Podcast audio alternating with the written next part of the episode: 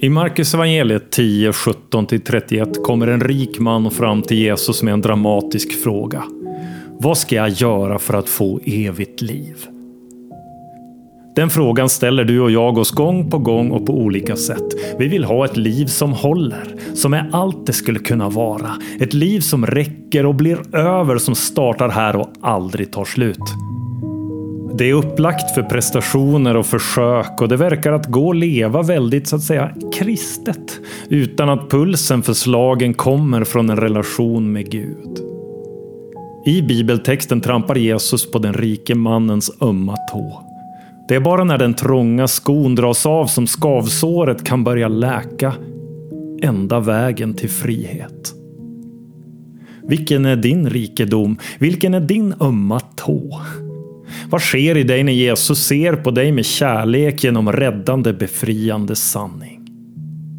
Här är berättelsen flyttad till Daniel, en man du kanske stod framför i kön på ICA igår. Den rike mannen. Det gnagde och nötte. Ett inre skavsår, en nötande otillfredsställelse. Daniel hade länge levt med den molande rastlösheten inom sig men aldrig erkänt den eller tittat närmare på den. Viljan att ha mer och bli mer trots att livet var fullpackat och kalendern fullbokad. Dragkedjorna runt Daniels värld bände och bröt. Snart omöjliga att stänga runt hans livs alla sidofack. Ett fyllt garage var roligare än ett tomt och vad var grejen med verktyg egentligen? Hur kunde de tillföra så mycket skön känsla genom att bara hänga på krokar och radas upp på hyllor? Och med ett batteri till alla var det bara att bocka av maskin efter maskin. Med sommarstuga i ständig förändring fanns det även användningsområden för det mesta i garaget. Vid sommarstugans brygga en båt, nedfälld i sommarstugans trallvänliga brygga en jacuzzi med bubbel både i vattnet och i dricksglasen. Daniel menade sig inte leva ett unikt lyxigt liv. Snarare vad som mer framstod som självklarheter, en lägsta nivå av vad man förser sig med när det gnager och nöter och skavsåret aldrig slutar klia djupt inuti. Löpning och cykling, golfväskan i bagaget, runda efter runda i jakt efter perfektion. Daniel gav även tid och engagemang åt människor i utkanten av tillvaron. Andras nöd hade alltid ropat sig in i hans brusreducerande hörlurar och han visste inte vad som var hönan eller ägget. Var nöden hos nedsupna och uträknade drivkraften till hans generositet som volontär på ett natthärbärge? Eller var skavsåret i själen drivkraften önskan att känna sig god och godkänd. Daniel och hans fru Jenny var ett oslagbart team och hanterade familjens stora och små förvecklingar utan tveksamheter. Tystnadens grogrund för missförstånd eller osämja avslöjades för det mesta långt innan något hunnit växa eller jäsa. Det fråntog dock inte Daniel känslan av att han var både stöttepelaren och golvet som gav stabilitet åt hans familj. Oumbärlighet och handlingskraft, kontroll och ändlösa lösenordsdokument åt honom själv, Jenny och tonårsbarnen. Daniels två kamrater följde honom vart han än gick. Det var noggrannheten och skötsamheten. Han körde visserligen för fort men kompenserade det med att alltid släppa fram andra vid filbyten och krypköra förbi varje 30-skylt. Han hade blivit stoppad och blåst fem gånger. Djupa andetag av felfrihet. Noggrann och skötsam. Och hjälpsam. Daniel ställde upp för sina föräldrar och var generös mot sina grannar. Han lånade ut verktyg och sin tid utan att hetsande jaga tillbaka varken skruvdragare eller utlånad tid. Han skjutsade och hämtade tonårsbarnen bortom bortskämdhetens kommungräns. Daniel var sanningsenlig och trovärdig. När han sa något höll det att lita på. Man ljuger inte. Punkt. Daniel hade modellerats till perfektion av två rekorddeliga föräldrar när det begav sig. I barndomshemmet fanns det tre regler och Daniel hade inte ens tappat mjölktänderna innan han lärt sig vad som gällde. Man äter upp sin mat, man är snäll, man ljuger aldrig. Ibland brukade Jenny skrattande ringa in honom och konstatera att en snällare man som talar sanning och skrapar tallriken finns inte. Och även om det var tacksamma karikatyrer på en skötsam man mitt i livet tänkte Daniel ibland att allt hade sett annorlunda ut om alla bara åt upp sin mat, var snälla och talade sanning. Världens alla oroshärdar med nationer i brand. Alla undre världars hämndlystna gängrivaliteter eller grannskap i största allmänhet. Inget hade varit urspårade minfält om hans barndomshems regler fått gälla. Under konfirmationen hade Daniel förstått att den kodex hans föräldrar följde med nit var tio Guds bud. Hans föräldrar var inte uttalat kristna, men de levde väldigt kristet trots allt. Det fanns en moralisk kompass som pekade mer mot himlen än avgrunden och med det följde livsstilsvärderingar som varje präst med självaktning skulle sagt sitt amen åt. Därför lärde sig Daniel buden utan till och bockade av full pott på konfirmationsförhöret. Han kunde både citera och leverera buden och ett appendix av skötselråd och livsvett som snart var ramen för hans etik och moral. Gränserna minerade och den genetiska religiösa koden nedärvd. Att göra rätt för sig, att leva skötsamt och vara god. En religion utan Gud. Med skötsamheten kom befordringarna och avancemangen. Av bara farten lönekuverten och välfärden. Med investeringarna kom resultaten, med resultaten längtan efter ännu mer. Att äga och äga bra saker, gärna just före någon annan och med modellbeteckningar med några fler bokstäver eller siffror än kollegorna. Det innebar också ett ständigt öppet Visakort för internetköp och scrollande efter något nytt. Ledan av att inte ha någon order väntande i Postnord-appen eller från Amazon kliade och retade. Det var en karusell av köp och sälj på Tradera. Att skaffa, testa och sälja vidare. Allt snurrade och det gnagde. Som om det bästa tänkbara livet inte var fullödigt trots allt. Daniel tyckte att det var märkligt eller var det bara själva följden av konsumtionens skrattspegel? Att han och alla hans köpprogrammerade gelikar ständigt stoppade mer och mer i sin bottenlösa varukorg. En pryl till ner i ett svart hår som sög allt som kom i närheten till sig. Rakt ner i ett ingenting. Få såg klart i dimman. Daniel hade dock en jobbig kusin som tog spjärn mot allt och alla hela tiden. Som fick trevliga glöggbjudningar att köra i diket. Som fick Daniels mammas 70-årskalas att trossas sönder i kapp med Daniels festhumör genom kritiska frågor från den jobbiga kusinen. En kusin som inte köpte annonserna och senaste 12 åren inte sett ett enda reklambreak på TV. En som gav ett ansikte åt ord som original och alternativ livsstil. Vem ville ha det ansiktet? Daniel hade nog med att mejsla fram sitt eget ansikte i en ständigt föränderlig värld. Vem skulle han vara och hur? En 40-årskris vid 49. MC-kort kändes för klichéartat och tatueringar vore omöjliga att visa för sina åldrande föräldrar. Än mindre möjliga att förneka vid en rak fråga. Man ljuger inte. Bara den med obefintlig självkännedom kan tro att jämförelser och sökandet efter sin identitet upphör veckan efter studenten. Nej, det fortsatte och Daniel var mitt i livet och letade som en närsynt detektiv med förstoringsglas efter ledtrådar och bevismaterial i sin jakt. Jakten efter ett hållbart, mättat, tillräckligt liv värt att leva. Ett liv värt att både vakna till och somna ifrån. Jakten efter ett evigt liv.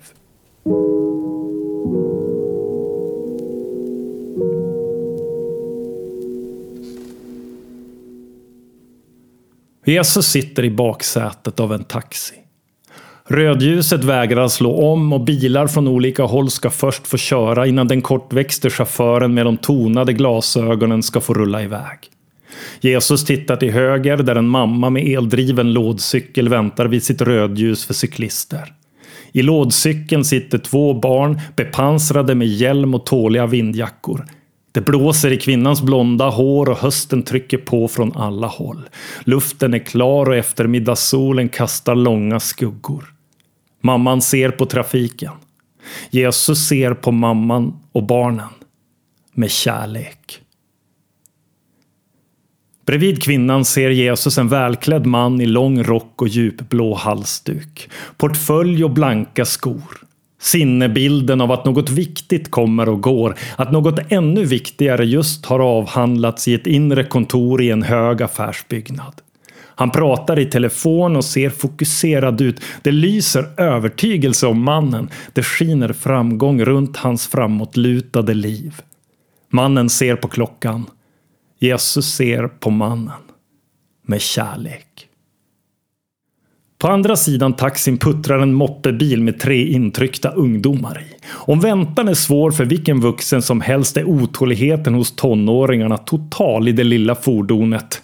Tomgången går på fullgång, basen i musiken pulserar och när Jesus hör rytmen rakt in i taxin anar han att ljudnivån inne i moppebilen måste vara på farliga decibel. Ungdomarnas universum snurrar. De verkar ha roligt bråttom utan att ha något direkt mål för resan. Ungdomarna ser på varandra. Jesus ser på ungdomarna. Med kärlek. I taxin maler lokalradions folkliga inslag på mellan låtarna. Chauffören trummar på ratten och släpper på bromsen. Grönt ljus och Jesus tittar på klockan. Taxin letar sig ut ur stadskärnan och stannar snart utanför ett stort köpcentrum i utkanten av staden. Artiga fraser av tack och trevlig helg och Jesus går mot blå entré. De höga glaspartierna speglar solens trötta rödorangea strålar. Dörrarna glider åt sidan och innanför dörrarna väntar Johannes och Petrus. Mycket folk, men det är ju fredag, hälsar Jesus och kramar om sina vänner. Har ni väntat länge? Äh, det är lugnt, vi, vi kom just, svarar Petrus. Men vi har kikat på Elgiganten, fyller Johannes i. Men de har nästan inga objektiv i butiken. I så fall får vi beställa på nätet. Målet för fredagsbesöket i trängseln är en födelsedagspresent till kompisen Jakob som fyller 25 år snart. De vill ge något extra och då Jakobs återupptäckta fotointresse vaknat på allvar så funderar vännerna på att ge honom ett teleobjektiv. Men var hittar man ett sådant? Kan vi inte äta något först, säger Jesus och tar sig för magen. Ingen handlar klokt på tom mage, fortsätter han och går fram till en stor orienteringstavla och letar med pekfingret efter restaurangalternativ. Visst har de byggt om och byggt ut ett mattorg där borta, säger Petrus och pekar längs en av köpcentrumets breda affärsgator. Vi kollar, säger Jesus. Ja, jag tänker pasta, det, det står man sig bra på, ler han och börjar gå.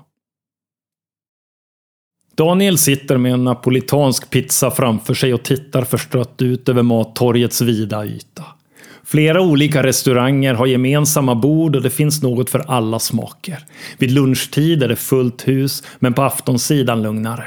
Jenny hade fått jobba över och det planerade racet för familjens höstgarderober kom av sig redan innan det börjat. Ungarna är med kompisar och Daniel passar på att äta innan han kör hemåt. Det får bli en snabb, lugn halvtimme av egen tid och återhämtning. Att mentalt knyta ihop arbetsveckan och logga ut.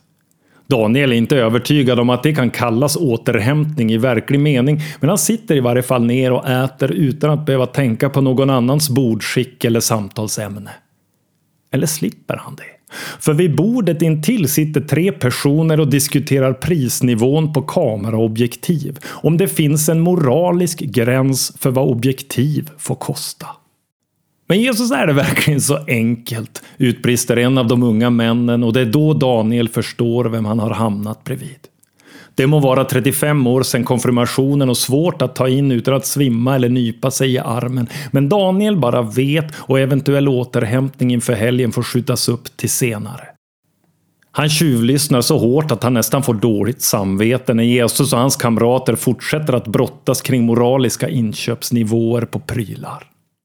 Daniel blir både engagerad och provocerad av samtalet. Dels är frågan i sig rätt intressant. Dels låter vissa resonemang avskyvärt lika hans jobbiga kusins. Bara tanken att Jesus och hans jobbiga kusin har något gemensamt ruckar till Daniels vaga gudsbild och fullfjädrade självgodhet. Kan man köpa sig frihet? Hör Daniel Jesus fråga sina kompisar och deras samtal har lika bra tuggmotstånd som pennepastan på ena kompisens tallrik. Jesus båda kompisar tycks ha olika svar på Jesus fråga om köpbar frihet och samtalets vågor rullar fram och tillbaka över det smala bordet i serveringen.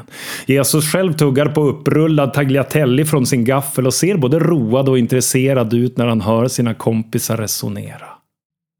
Daniel gör vad han kan för att fokusera den lufttorkade skinkan och basilikabladen på pizzan han har framför sig.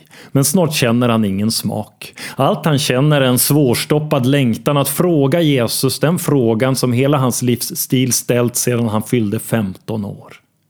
Hela Daniels livsprojekt kokar ner till detta ögonblick. En rastlös, ljudlös karusell utan nödbroms i ständig acceleration och plötsligt böjer han sig fram mot Jesus och hans bordsgrannar. Vad ska jag göra för att få evigt liv? Säger han lågt och tittar på Jesus. Jesus möter hans blick och sänker gaffeln. Kompisarna vid bordet tystnar. Hej, Jesus, säger Jesus och räcker ut sin hand. Ursäkta. Daniel, säger Daniel och böjer sig fram. Du kan ju budorden fortfarande, inte sant? Håll dem så får du leva det bästa av liv, svarar Jesus och inväntar Daniels reaktion. Är det något särskilt bud du tänker på? Något som gör typ det där lilla extra av allt som Gud kanske imponeras mer av? Försöker Daniel och vet inte riktigt vad han fiskar efter. De är bra allihop och har hållit att nöta på i många år när jag tänker efter, säger Jesus. Ja, jag har faktiskt hållit dem sedan jag var barn. Mina föräldrar trimmade mig och mina syskon rätt hårt, fortsätter Daniel och känner att samtalet går bättre än han trodde det skulle göra och tar mod till sig och fortsätter. Men det känns ändå som om något inte landar i mig. Jag har världens bästa liv och många värderingar jag tror du gillar, men, en, men ändå.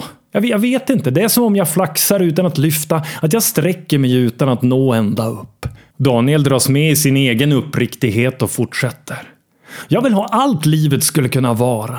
Jag vill ha ett kvalitetsliv. Jag vill ha ett evigt liv med start här och nu, säger Daniel och pekar trummande med pekfingret på bordskivan intill den nästan helt uppätna pizzan. Jesus nickar. Han ler och tar ett djupt andetag. Förtätning i luften. Kollisionen är oundviklig. Daniels frontalkrock med Jesus. Krocken mellan en religion utan Gud och Gud själv. Men ingen hinner spänna på sig säkerhetsbälte eller teckna livförsäkring. Vet du vad du skulle göra? Sälj allt du äger och ge åt de fattiga. Då kommer du att ha en skatt i himlen så får alla andra tänkbara skatter att blekna, säger Jesus och viftar med ena handen som om han sopar rent på Daniels alla topplistor och garageväggar innan han avslutar. Kom sedan och följ mig.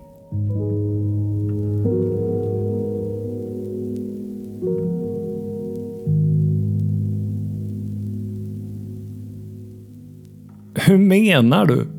Daniel känner att samtalet som gick så bra håller på att spåra ur fullständigt. Det här går värre än alla samtal med den jobbiga kusinen tillsammans. Jesus tittar på honom med kärlek och tystnaden trycker sig förbi alla försvar. Ja, men du skulle behöva ta ett rejält tag runt dina rikedomar. Allt du håller av och håller i som börjat äga dig och kramar musten ur dig. Något måste bort snart, för du håller ju på att tappa andan, eller? Och ursäkta Petrus och Johannes, men det är fullständigt omöjligt att köpa sig frihet. Det är att lära känna sanningen som är frihetens biljett. Men att köpa sig frihet, det är dömt att misslyckas. Ja, eller det går ju att köpa en automover och vinna två timmar i veckan. Men om det är definitionen på frihet, då är ribban riktigt lågt satt. Jesus fortsätter med en röst som balanserar mellan varmt medlidande och irritation. Alltså, jag är den sista att kalla mig själv konspiratorisk, men människans envisa tro på sin förmåga att rädda sig själv, det är en tidlös komplott. Det är en ond sammansvärjning. Jesus tittar med ögon som fullständigt läser av Daniel, som känner sig helt avslöjad och omtyckt på samma gång. Kände han inte jeansen mot låren och skjortans manschetter mot handlederna skulle han tro att han var naken. Avläst in i märgen. Tystnaden som uppstår skapar en frizon mitt i sorlet av ett helt köpcentrum fyllt av habegär, jämförelser och avund. Daniel har ingen aning om vad han ska göra av tystnaden. Än mindre av Jesus sylvassa ord. Jesus kompisar har slutat tugga. Petrus snurrar sitt vattenglas sakta på bordet och Johannes sneglar mot Jesus som säger lågt. Det är lättare för en kamel att ta sig igenom ett nålsöga än för en rik att komma in i Guds rike. Daniel känner en omedelbar sorg välla upp. Han blir gråtfärdig på en sekund, nästan illamående. Det är som att få veta sanningen runt något man trott något helt annat om. Att lampan har tänts och man får syn på allt i rummet. Det går aldrig mer låtsas som om man inte vet. Johannes ögon vidgar sig. Petrus vattenglas stannar upp. Båda reagerar med förtvivlan och bestörtning. Men vem kan då bli frälst? utbrister Petrus. Det låter ju inte klokt, fortsätter han upprivet och Johannes tar sig för munnen och tittar på sin halvätna carbonara han har framför sig. Matlusten är borta även för honom. Magen knyter sig. Och vem ska då kunna bli räddad? viskar Daniel och lutar sig uppgivet tillbaka. Ett tungt Mörkt moln av omöjlighet dimmar ner mot torgets oräkneliga takspotlights. Petrus och Johannes andas med oroliga andetag. Inom dem krigar känslor av bestörtning och hjälplöshet. Daniel sluter sina ögon. På en sekund passerar hela hans skötsamma liv revy. Allt han gjort rätt. Allt han skött klanderfritt. Alla ansatser och prioriteringar. All godhet och uppfyllda löften. Skänkta pengar och uppmötta förväntningar. Alla utlånade saker, generöst utgiven tid och alla fikastunder på härberget. Alla renskrapade tallrikar han ställt in i sin mammas diskmaskin. All snällhet och avslöjade vita lögner till förmån för sanning och rätt. För människor är det omöjligt, säger Jesus och stannar upp. Som om han är mitt i en mening och vandrar med blicken. Han tittar på Daniel. På Petrus och Johannes. Han tittar på en barnfamilj några bord längre bort. På ett ungt par som delar en pizza ytterligare ett bord bort. Jesus ser på den ständiga strömmen av människor som går längs den breda gången utanför butikernas entréer tonårsgäng med öppna jackor, en farbror med rullator, fyra kvinnor med oräkneliga och stora påsar i varje hand. Men för Gud är allting möjligt, avslutar han och är tillbaka med sina ögon på Daniel. En blick av total och brännande kärlek. Faran är inte ägodelarna i sig, utan vad som äger dig och hur du håller i allt som du bär runt på, fortsätter Jesus och Daniel försöker hålla ihop så gott han kan. Det är möjligt att ha hur mycket som helst och samtidigt vara fri. Lika möjligt att ha en sak och vara fullständigt ägd. Frågan är om du håller dig och ditt liv med öppen eller krampaktigt sluten hand säger Jesus och illustrerar med sina knutna händer som får vitnande knogar och Daniel ser att händerna har tydliga ärr märkta av sår. Petrus undrar i sitt stilla sinne hur mycket Daniel ska klara av eller hur långt Jesus tänker gå egentligen. Släpp taget! Ge upp! Ge bort! Bromsa, sluta sträva, ge dig någon gång Daniel, säger Jesus med vädjande röst och med ord som krånglar sig in och börjar riva i Daniels välgjorda livsväv. Ord som river hål i hans inre väggar, väggar med välslipat underarbete och tapeter med osynliga skarvar. Det går att förlora allt utan att gå minus. Att ge upp och först då vinna vad denna världen aldrig kan förklara med sin giriga vokabulär. Jesus rättar till sin stol. Han för gaffeln genom sin mat och tar en tugga. Varken Jesus vänner eller Daniel tar tillfället tuggandet ger för att säga något. Jesus pekar ofarligt mot Daniel med sin gaffel i vänsterhanden. Självklart gillar jag ditt duktiga liv och hur väl du vill med allt. Men Guds kärlek köps inte med skötsamhet. Det är en gåva. Inte ett abonnemang i utbyte mot godhet eller att godheten i sig rätar ut och räddar säger Jesus mellan tuggorna och hans varma tonfall växer. Det är Guds nåd att det inte är ute med er. Att det inte är slut med Guds barmhärtighet. Den är ny varje morgon. Fatta det! Guds trofasthet är större. Alltid. Och det är Guds nåd du behöver. Inte en till batteridriven slagborrmaskin. Ett helt annat vridmoment än vad din felfrihet levererar, säger Jesus och tar ett djupt andetag. Som om han sagt vad han behöver säga. Som om han är färdig för nu. Daniels panna rynkar sig. En tveksamhet ingen sminkös i världen skulle kunna maskera bort. Han sväljer och reser sig för att gå. Han kränger på sig sin höstjacka, tar tag i brickan han har framför sig. En omskakad och avslöjad man. En välvillig och skötsam världsmedborgare. En förträfflig kollega. En positiv kraft i föreningslivet. En snäll pappa och generös granne med Radiohjälpens swishnummer sparad som favorit. En människa i behov av Guds obetalbara gåva i behov av räddning, i behov av nåd. Daniel sneglar mot Jesus och deras ögon möts. Daniel ser en renskrapad tallrik i Jesus blick. Det finns inget kvar att förhandla med. Han ser in i snälla ögon, men inte överslätande och likgiltiga. Han ser rakt in i sanningen. Kärlek från vad allt kärleksfullt fått sitt namn. Ingen grym hårdhet eller sjuk njutning av att såra. Han ser medlidande och avslöjande kärlek. Han ser allt han behöver genom ett nålsöga. Daniel går iväg, omtumlad. Omskakad ända in. Det gnager i honom. Men nu gnager inte bara ofullkomligheten och rastlösheten. Nu gnager Jesus ord. Ord som drar starkare än skam. Minnet av kärleksfulla ögon som vill väl. Som avslöjade och utmanande visade vägen till hans räddning. En uträckt hand rakt ner i Daniels svarta hål. Ner i hans bottenlösa varukorg. Det är som om Jesus redan sitter i bilen när Daniel kliver in och lämnar köpcentrumets vidsträckta parkering. I varje fall Jesus ord och tonfall. Nåd och sanning som trasslar in och sliter. En elektromagnet förmögen att dra bort skrotet ur Daniels själ. Alla rostiga prestationer, all presterad godhet och egen storhet. Jesus utmaning. Den kärleksfulla blicken mot en rik man som har allt och ingenting.